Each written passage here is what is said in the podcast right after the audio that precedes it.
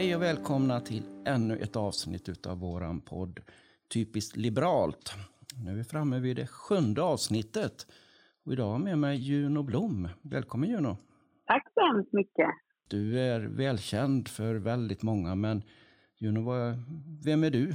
Jag är numera riksdagsledamot Eh, för Liberalerna eh, och jag kommer från Norrköping. Jag har ett mandat från Östergötland och sen är jag också partisekreterare sedan Nyamko Sabuni blev vald till partiledare. Men det starkaste engagemanget och det som gjorde att jag valde att engagera mig i politiken det är att jag under hela mitt yrkesverksamma liv har jobbat med utsatthet på olika sätt. Framförallt utsatthet kopplat till barn, unga, men också vuxna. Och under de 12 år före jag då valde, före 2018 när jag valde att engagera mig i Liberalerna, var jag ansvarig för det nationella regeringsuppdraget för att motverka hedersrelaterat våld och förtryck. Skälet då till att jag valde att engagera mig politiskt var att jag var frustrerad över politiken. Jag var frustrerad över att politiken hade förlorat örat mot marken, framförallt under den eh, mandatperioden som var mellan 2014 och 2018. Och så klagade jag väldigt mycket hemma på politiker, för mina döttrar. Och då sa de, men mamma, då får du väl engagera dig i politiken. Och för mig blev det då ett självklart val att göra det inom ramen för Liberalerna. Jag blev så jätteglad när jag såg att du engagerade dig i Liberalerna för att det, det är en av våra hjärtefrågor och grunden i det jag tycker är det liberala. Just det här med att ta ansvar för de som är eh, extra utsatta. Ja, men och jag tycker också att det som jag reagerade starkt emot är det att eh, hur ett land mår handlar ju väldigt mycket om hur de som har det svårast har det och vår förmåga att se till att man inte bara har sina rättigheter utan man också har möjligheten att åtnjuta sina rättigheter. Och liberalismen är ju ändå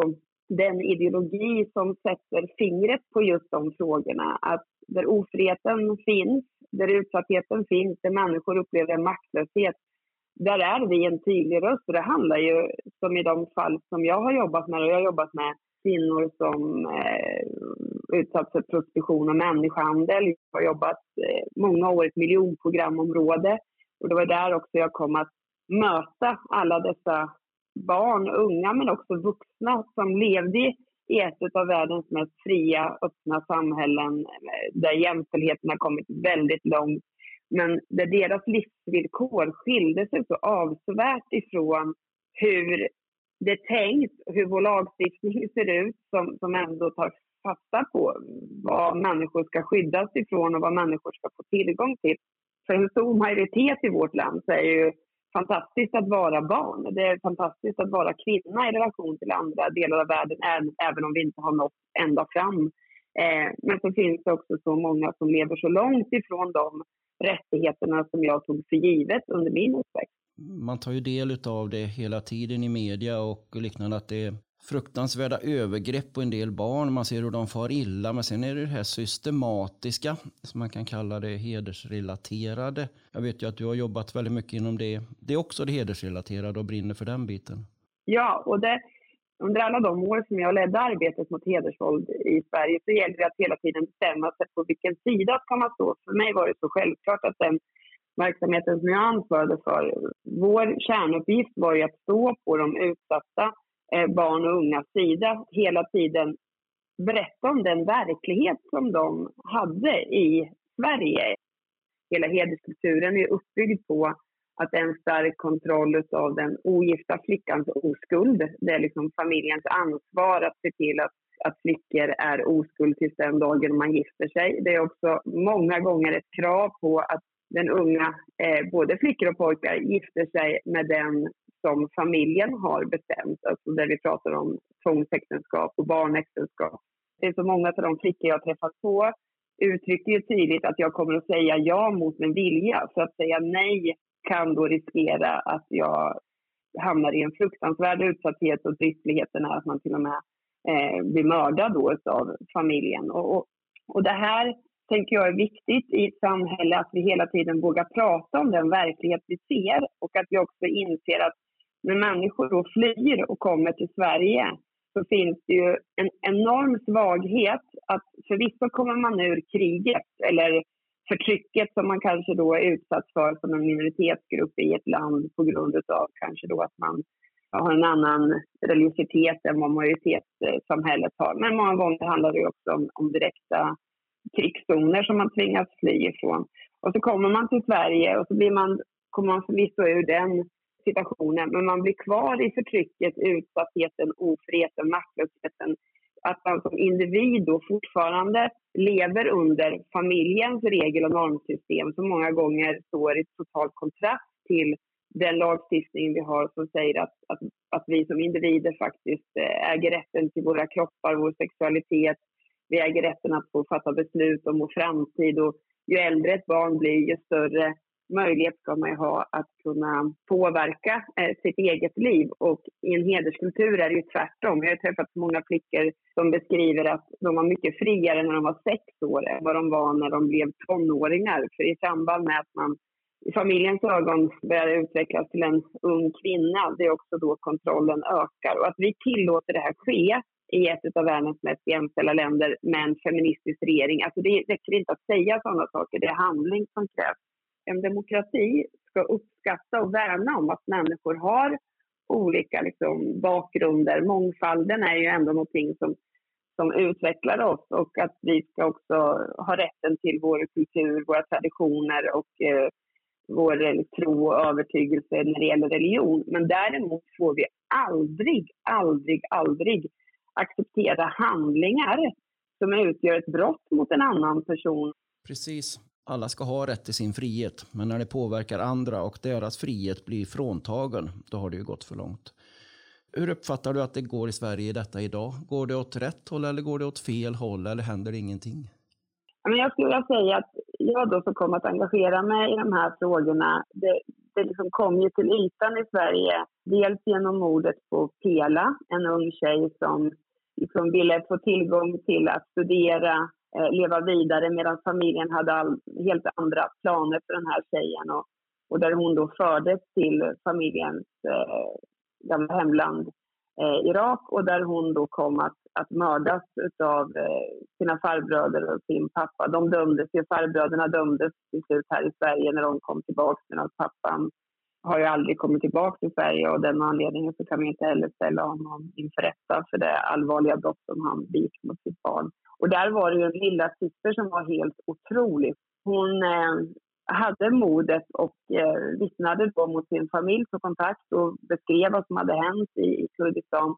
Eh, och det här blev ju en politisk väckarklocka när hon då kom hem till Sverige och verkligen drev de här frågorna, var tydligt vittne, vågade men tvingades sen också leva eh, skyddad och lever skyddad och tvingas göra det för resten av sitt liv. Den här bilden av att, att det kollektiva trycket är ju så extremt starkt och det fick ju då politiker att vakna till viss del. Sen kan man väl ändå säga att mordet på Fadime Sahindal som, som blev den stora väckarklockan politiskt sett eh, då hon också hade talat i riksdagen och hade ett väldigt analyserande tal. Jag tycker att det är få gånger jag har läst och lyssnat på ett tal som ändå tar upp helheten som man lever under som utsatt flicka men också den vädjan till politiken att inte vända dem ryggen. Hon beskrev ett exempel att hon inte ville som hennes systrar tvingas tillbaka till Turkiet för att gifta sig med en kusin som är väldigt vanligt. Det är ju otroligt många barn varje år som bestraffas eh, och förs ut ur Sverige utan att samhället reagerar. Och där har vi då också tagit fram en möjlighet till att utfärda utreseförbud om man känner en oro för att kunna skydda barnen här. Så på många olika sätt har vi utvecklat lagstiftning. Vi har lagstiftning mot äktenskapstvång. Vi har en ny lagstiftning som vi också har fått igenom den här mandatperioden där heder som motiv, alltså om skälet till att man begår en kriminell handling bygger på att man vill återupprätta familjens heder så ska det vara då en straffskärpningsgrund liksom, för att man ser just den här kollektiva trycket och sanktionerna som en försvårande omständighet. Så lagarna har ju blivit bättre, men samtidigt är ju inga lagar bättre än hur vi lyckas förstå de ungas utsatthet, förstå villkoren de unga lever under, förstå konsekvenserna av det här. Och där haltar det fortfarande väldigt mycket. Många duktiga socialarbetare runt omkring i Sverige, många duktiga lärare, många poliser som vill göra ett bra jobb. men som ändå inte ges rätt förutsättningar. Och det menar jag att staten måste ta ett mycket större ansvar för att se till att man får den kompetensförsörjning som krävs, eh, utbildning, kunskap, både på grundutbildningar på universitet men också fortbildning. Men framför allt så krävs det ju ett politiskt ledarskap med en tydlighet. Och den tydligheten tycker jag att regeringen inte besitter idag. Och det gör att väldigt många barn fortsätter att utsättas utan att vi kan ge dem den frihet de har rätt. Å ena sidan har det gått framåt, vi pratar mer om frågan, vi har beslutat om viktig lagstiftning, men ändå så lyckas vi inte skydda eh, de utsatta i den utsträckning som krävs. Så att man måste säga att det är både och. Mm. Eh, jättebra Juno och eh, som lyssnare så hör du vilket fantastiskt engagemang Juno har i den här frågan. Hon är verkligen ett föredöme och eh, det är ju helt underbart att få vara med i samma parti som dig för att eh, man släpper ju aldrig frågan. Du är på den hela tiden vid varje enskilt tillfälle som det är några samlingar eller liknande. Och det senaste som du sa nu då med eh, kusinäktenskap och liknande. Det blir ju en av våra eh, ja, viktiga frågor i kommande valrörelse och där behöver vi ju ligga på och det är bra att vi lyfter den i valrörelsen och får den så att vi verkligen kan få mandat att fortsätta driva det under nästa mandatperiod? Ja, och jag tror att man... För det första är det viktigt så att ett liberalt parti, vi tycker ju då att friheten är liksom det grundläggande värdet. Då tror jag att vissa människor kan då tänka sig, varför ska Liberalerna förbjuda människor eh, att gifta sig? Om, om kusiner vill gifta sig, varför ska vi lägga oss i det överhuvudtaget? Då är väl det en frihetsfråga bland grupper där hederskulturen är väldigt levande så är ju kusinäktenskap vanligt. Och vi har ju valt att inte ta reda på i vilken omfattning sker det här. Men vi vet att det sker i, i liksom en relativt stor utsträckning. Men genom att det fortfarande är tillåtet att gifta sig med kusiner så kommer vi ha så många flickor och pojkar som tvingas in i äktenskap som de inte kan protestera emot. Vilket leder till då att svärfar blir också min farbror eller min morbror. Och det finns ju ett skäl till det här. Det ena skälet är ju att om man går tillbaka till det här med att, att det är viktigt att man är oskuld när man gifter sig. Och om man då ska gifta bort sin son med en kusin, då är garantin mycket större för då vet man att det är en flicka som vi alla har kontroll på. Det är det ena. Det är också så att man har en mycket större kontroll över då flickan, sedermera kvinnan, när man är gift då, att den verkligen följer de regler som finns inom hederskulturen. Alltså kontrollsystemet är mycket enklare om, eh, som sagt, min farbror också är min svärfar och vice versa eh, för mannen då. Och det här gör ju att, att ofriheten blir betydligt större. Kraven på lydnad utifrån ett sätt som är så långt ifrån hur vi tänker att människor ska leva i relationer. Och dessutom är det ju väldigt svårt sedan att om man inte är lycklig i det här äktenskapet att få till stånd en, en skilsmässa. Så liksom på olika sätt så är det här äktenskap som fråntar människor frihet. Ska frihet uppnås i vårt land så är det ibland frihet som måste komma till genom staten, genom att staten fattar beslut. Det är därför vi har till exempel att vi tillåter inte aga mot barn. Eh, vi var första landet i världen. Vi vet att barn generellt sett står i en stark beroendeställning till vuxenvärlden. Då har vi då lag, på olika sätt reglerat hur ska vi kunna skydda barn ifrån att utsättas för övergrepp. Och då är det ju staten som måste garantera deras frihet. Mm. Just de här årsdagarna efter Fadime och på hela så där så är det då är ju alla engagerade. När det inträffar något liknande, då blir alla partier engagerade. Liberalerna kämpar för de här frågorna även när det inte har hänt någonting. Det handlar ju om att agera istället för reagera. Att hela tiden vara på det. Ja, och det är helt sant. Och det är också därför som jag valde att... Eh, jag hade ett jobb som jag älskar. Jag är tjänstledig från det jobbet. Eh, det var ganska svårt att ta det steget, att ge sig in i politiken när man har någonting som man tycker det är så givande att få jobba med varje dag. Jag har verkligen älskat att gå till mitt jobb varje dag och känt att det är meningsfullt. Men ska man lyckas med de här frågorna på lång sikt, då krävs det ett parti som Liberalerna, som du precis ger uttryck för, alltid kämpar för de grundvärden som finns oavsett vilket motstånd det finns eller oavsett alltså, oavsett om det är medvind eller motvind, motvind så står vi fast vid de ideologiska principer som finns. Och det gör ju också att ibland, alltså i, i sin tid, ta till exempel även när det gäller rösträtten för kvinnor. Det är klart att, att kvinnor som Anna Whitlock och ja, men, eh, Kerstin Hesselgren och starka liberala röster på den tiden mötte ett extremt motstånd. Men liksom, det finns i, Liberalernas DNA, i hela liksom, ryggmärgen, att vi klarar inte av att se att människor behandlas med olika måttstockar och då så kämpar vi för det. Men vi tror också att individer besitter en egen kraft, alltså att människor verkligen har en egen förmåga och det är den vi ska liksom riva hinder för att göra det möjligt. Och då tror jag att, att var tid har liksom sina liksom, nya frihetsfrågor som man måste utkämpa. Och jag menar, Nato är en sån fråga. Där är det ju viktigt att, att ett lands säkerhet är ju grunden för frihet. Alltså om människor inte känner sig säkra så kan man ju aldrig känna frihet. Det är samma sak med den europeiska, liksom att vi har varit för EU. Det ser vi ju nu i de här tiderna. Att när EU går samman så är ju det ett fredsprojekt. Det är ju liksom otroligt viktigt för att ensam är bara ensam. Ensam är inte stark. Och samma sak tycker jag när vi pratar nu om att vi inte ska ha några utsatta områden i Sverige 2030 så är det ju så att människor som lever i de här utsatta områdena, jag har jobbat i ett sånt i många år, dels så lider ju väldigt många av att ett fåtal får diktera villkoren för alla. Alltså man lever i, i rädsla. Och det är klart att vi kan inte ha den ordningen. Men sen är det ju också så att den problematik som finns där finns ju också på andra håll.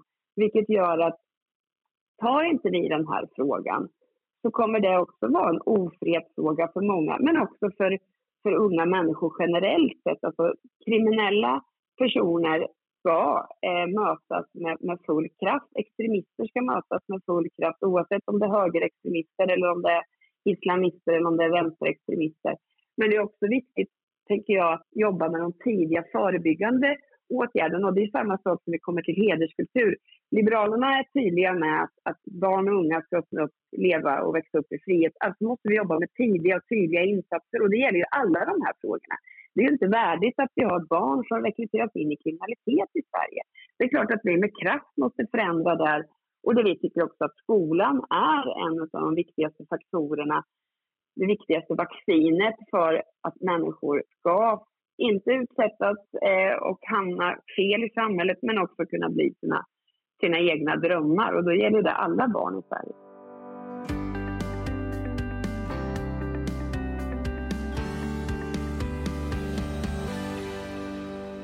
Jag eh, har varit med i det här partiet ett tag nu då, och jag funderar ibland på vad det var som gjorde att man valde partiet. För mig var det mycket skolfrågorna. Jag har varit engagerad där. För mig var det ju naturligt att välja just dåvarande Folkpartiet med den liberala inställningen. Och sen är ju det, sen märker jag ju att det är rätt så lätt att vara med i ett parti som Liberalerna för mig som är liberal och jag känner igen mig så många gånger i min personlighet. Och det är svårt att förklara vad som är liberalism, men att det är just den här personligheten att det man gör och liknande behöver inte vara det populistiska utan eller det mest populära. Man kan till och med välja att driva en fråga trots att folk är emot den därför att man tycker att den faktiskt är så viktig. Så att för mig är det en livsstil på något sätt. Jag tycker till exempel att det är viktigt med men, frågor som rör jämställdhet, att flickor och pojkar ska liksom ses på lika villkor, alltså ge samma möjligheter och förutsättningar i vårt samhälle. Och så kom jag då till ett miljonprogramområde och insåg att, att här har vi barn som inte ens får delta i all undervisning. Alltså barn som inte ens får delta i simundervisning när de är sju, åtta år gamla. Och vi som samhälle lyckas inte stå upp för de här barnens rätt. Jag menar, simundervisning i Sverige kom ju till för att vi vet att det är den billigaste livförsäkring man kan ha med tanke på alla de sjöar och hav som finns runt omkring oss. Så, så blir det så märkligt för mig att vi inte, det vi tycker är självklart för en majoritet av alla barn, väljer vi att vackla för när vi möter motstånd kopplat till de frågorna. Eller om man tar till exempel lika lön för lika arbete. Och så har vi då kvinnor som inte ens får arbeta för att om man arbetar så blir man självförsörjd och då ökar den möjligheterna till den individuella friheten. Så liksom, vi är ju ett parti som klarar av att både driva på för lika lön för lika arbete, men vi ser också att vi står flickor och kvinnor på perrongen som inte ens har kommit med på tåget. Liksom. Och då gäller det att både köra tåget framåt men se till att alla kommer med. Eller om man tar till exempel föräldraförsäkringen. Vi tycker det är viktigt att, man, att, att även pappor är hemma för barnens skull och skapar en god relation. Liksom, att det här är någonting man, man delar tillsammans. Men så har vi tjejer och killar som inte ens får bestämma vem man ska bli förälder med. Så att, liksom att hela tiden se att det måste jobbas på fler fronter och fler nivåer hela tiden för att ett samhälle ska hålla ihop. För det är där det handlar om. För en liberal är ju att vi ska ha liksom ett sammanhang där vi är olika och vi är unika. Vi ska få vara olika och unika men alla ska liksom få tillhöra och få tillgång till sina grundläggande fri och rättigheter. Men det är också så tror jag att vi har varit fria väldigt länge. Alltså, liberala reformer har ju ändå vunnit och då tror jag att, att människor som är fria har inte riktigt förstått ofriheten. Men i samband med pandemin så tror jag det blev väldigt tydligt för många av oss hur ofria vi kan bli på väldigt kort tid och hur viktigt det är att värna friheten på olika sätt. Nu var det liksom ett virus som försatte oss i den ofriheten, men det berättade också brister inom hemtjänst, hur vi behandlar äldre människor, hur ensamheten, hur, hur liksom det påverkade barn i skolan som inte har samma möjligheter till distansundervisning. Alltså hur viktigt det blir att vara i ett sammanhang. Och sen kommer kriget i Ukraina som ett land som påminner starkt om Sverige. Vi ser att människor går klädda på ungefär samma sätt som oss. Man har en, eh, liksom levt ändå i en, i en demokrati där man har kämpat länge med möjligheter och så helt plötsligt så bestämmer sig Putin att åka dit och annektera och föra ett krig mot dem. Det tror jag också blir ett uppvaknande för oss i det här landet. Att vi är marinerade i fred, vi är marinerade i frihet, vi är marinerade i att vi tänker att vi är förskonade från allt hemskt som kan hända. Och så inser vi att så är det inte. Och då blir de liberala värdena otroligt viktiga igen. Mm. Vi pratar ofta om frihet, men jag, jag, tror det är väldigt svårt att som allmän medborgare liksom ta in vad menar de med frihet? Vad är, det jag, vad är det jag ska vara fri ifrån och liknande? Med pandemin som du sa som ett bra exempel, där, där försvann ju det. Om vi sa våra äldre till exempel som blev faktiskt inlåsta som eh, Bengt Eliasson pratar i avsnittet innan det här, avsnitt nummer sex, där man märker att nu i efterhand att vissa gruppboende finns det brukare som har varit inlåsta i sina rum under jättelång tid och fått mat eh, stående utanför dörren och fått hämta in liksom sådär och knappt förstår varför. Den här friheten, den kommer ju och den ofriheten påverkar oss så oerhört snabbt och obehagligt på en gång. Vi lever i ett fritt samhälle men vi måste hela tiden bevaka detta. Och det är ju där just Liberalerna jobbar det här långsiktiga och oförtrytliga, aldrig ger upp. Ja, men och jag tror också att den viktigaste faktorn för, för människor när vi pratar om barn i utanförskap, och där utanförskapet blir liksom ett konstant tillstånd, då är ju skolan det allra, allra viktigaste för barn för att, alltså att få möjligheter till att göra sin liksom, livsresa. Men när jag som har jobbat i det här miljonprogramområdet såg ju också att när vuxna människor fick ett arbete, alltså att vara självförsörjd, att få sitt första lönekuvert, så var ju det någon sån lycka i hela familjen. För det är ju egen makt. Istället för att ta tillvara på den kraft och energi som finns hos människor som kommer hit, som lyckas fly från andra delar av världen, så har vårt system lamslagit människor så att de har hamnat i bidragsberoende och förlorar integritet. Alltså mängder med människor som jag har mött genom åren som har givit starkt uttryck för det här. Att man kommer bara längre och längre ifrån det som vi andra tar för givet. Så jag tror att förstå de här, vad liberalismen står för, att underlätta för människor. Den som, människor som, som kan bidra ska bidra och de som är i behovet av stöd från samhällets sida ska få det. Och då tror jag att grunden i liberalismen är ju att människor ska känna att de tillhör och att de tillför. Och vi ska ha förväntningar på människor. Alltså vi ska ha förväntningar på att människor är kapabla till att, att, att bidra. Och vi ska ge dem förutsättningar att kunna. Och det är ju språket en sån, också en viktig frihetsfråga. Jag menar det är fantastiskt att vi är ett land där vi säger att alla människor som kommer hit vill vi ska kunna eh, språket så att vi kan samtala med varandra så vi kan liksom lära och förstå oss av varandra. Precis, och där är du inne på någonting ytterligare som eh, Nyamko en gång i tiden när hon var minister och eh, var inne, drev igenom det här eh, kravet på att kunna svenska och liknande. Då blev vi ju verkligen utpekade som ja, rent ut sagt rasistiskt parti. Idag så driver ju alla den frågan och det har ju mognat och eh, nu börjar ju alla förstå vitsen med det. Ja, och jag jobbade ju då under Nyamko Sabuni när hon var statsråd. Och det var ju mina bästa år när hon var statsråd. Det var också det som blev en så stor besvikelse när Socialdemokraterna tog över det departement som jag verkade under. Jag trodde att alla politiker var som Nyamko Sabuni, för det var hon var. Det var att hon var förankrad i verkligheten. Hon lyssnade på oss. Hon såg alltid till den lilla individen och hon stöttade också eh, vi som var myndighetsansvariga för vi mötte ju också motstånd. Jag har blivit hotad och jag har blivit liksom utsatt på olika sätt för att jag har tagit ställning i viktiga frågor. Och då fanns hon där som en ryggrad.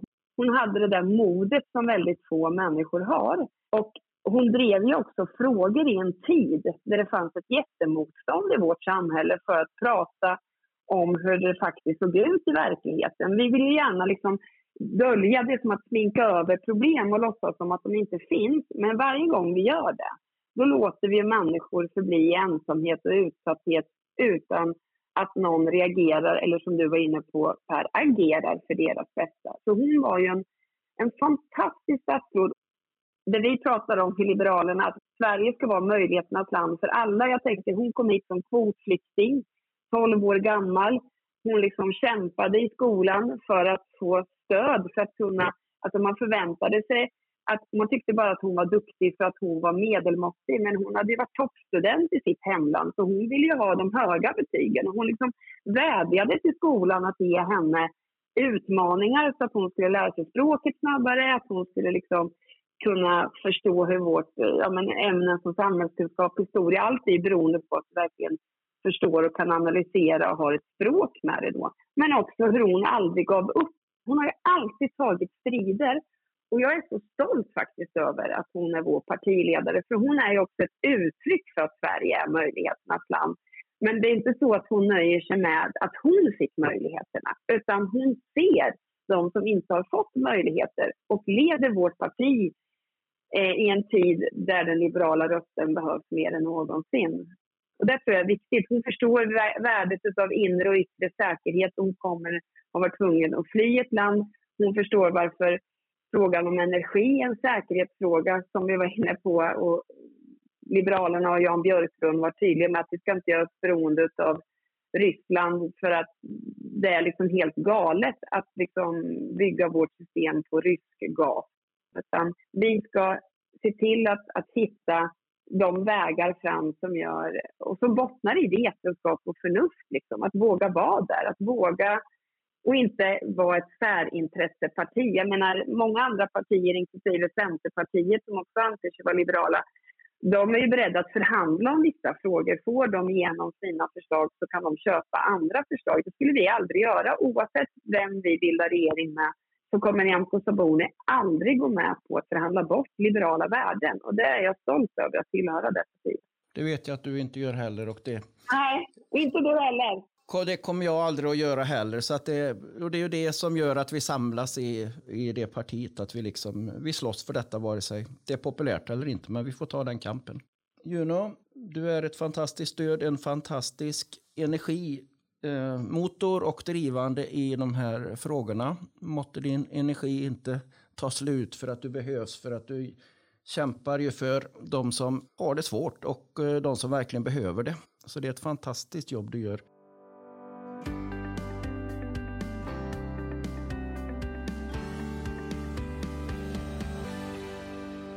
Hur ser dagens agenda ut innan jag släpper dig? Ja, men dagens agenda handlar faktiskt om att dels ska jag läsa en... Eh, vi har ju då också ett nytt brott eh, där vi har tittat på kvinnofridskränkning.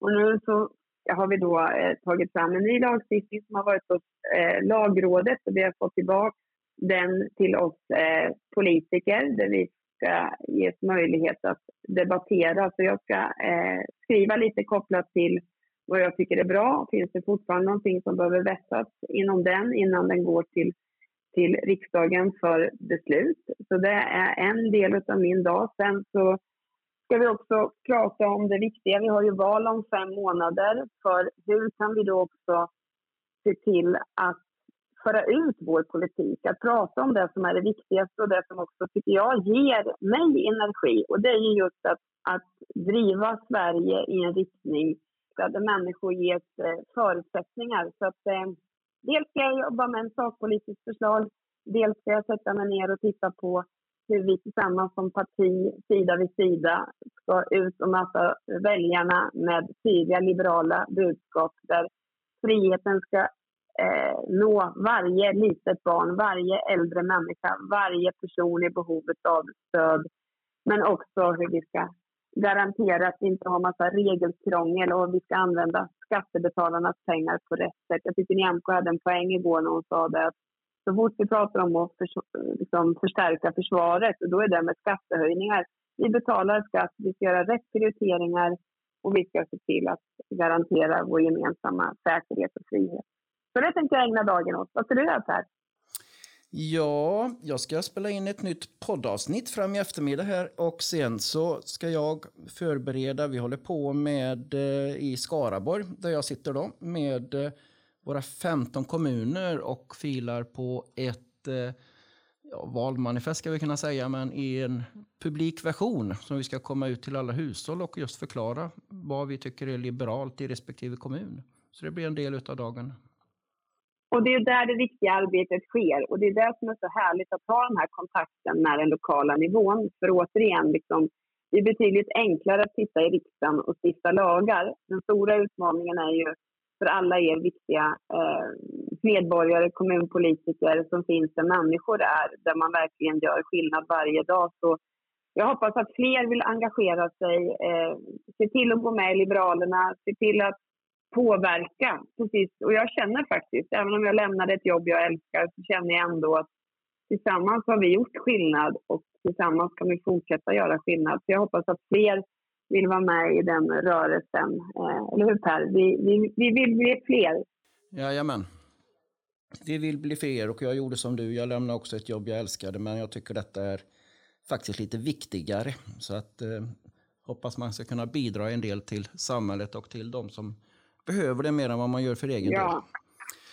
Tack Juno och eh, vi syns på snart ja. igen, både fysiskt och i något av våra alla livemöten vi har. Men eh, jättetack för att du ville vara med och eh, det jag har med mig i tankarna nu, det var just det här, det här långsiktiga arbetet som hela tiden sker och då med det hedersrelaterade. Du har förklarat så bra varför det behövs. Vi har varit inne på det här med kusinäktenskap. Men sen det här med jätteaktuella frågorna med försvaret, Nato, med eh, energiberoendet. Och det är ju frågor som Liberalerna har drivit under många, många, många år och där eh, många andra partier har pekat och sagt att vi är fel ute tills det verkligen händer. Då sluter de upp i de frågorna vi tycker är viktiga. Så vill, vill man ha agerande istället för reagera, då är det ju Liberalerna som är det partiet. Nej, men det jag tycker är fint också, det är det där att ett liberalt parti ser verkligheten för det den är, föreslår reformer för att skapa förändring och sen har man en framtidstro. Alltså vi tror ju ändå verkligen på att människans kraft är möjlig. Vi tror på att vi tillsammans kan bygga ett samhälle där människor kan bli sin bästa potential. Så att det handlar ju också om att, att det hela tiden finns den här framtidsvisionen, framtids insikten, den här längtan efter någonting som vi faktiskt inte... Eh, det sker inte på annat sätt än att vi tillsammans skapar den. Och då måste alla ges möjlighet att vara med på den resan. Att tillhöra och att tillföra. Och det är ett gemensamt bygge som stärks av att vi är olika som bidrar. Det tycker jag är fantastiskt. Så vi kör hårt nu Per. Ja, det gör vi. Men det är som ett fotbollslag eller handbollslag eller vad som helst. Det är ju individerna på plan så kvalitet och eh, kunskap och kompetens som bidrar men att, till det gemensamma laget. Men det är ju varje enskild som faktiskt måste vara stark i det och kunnig. Nu kör vi. Tack så mycket Juno och eh, ha det gott. Sköt om er alla. Ta hand om er. Hej.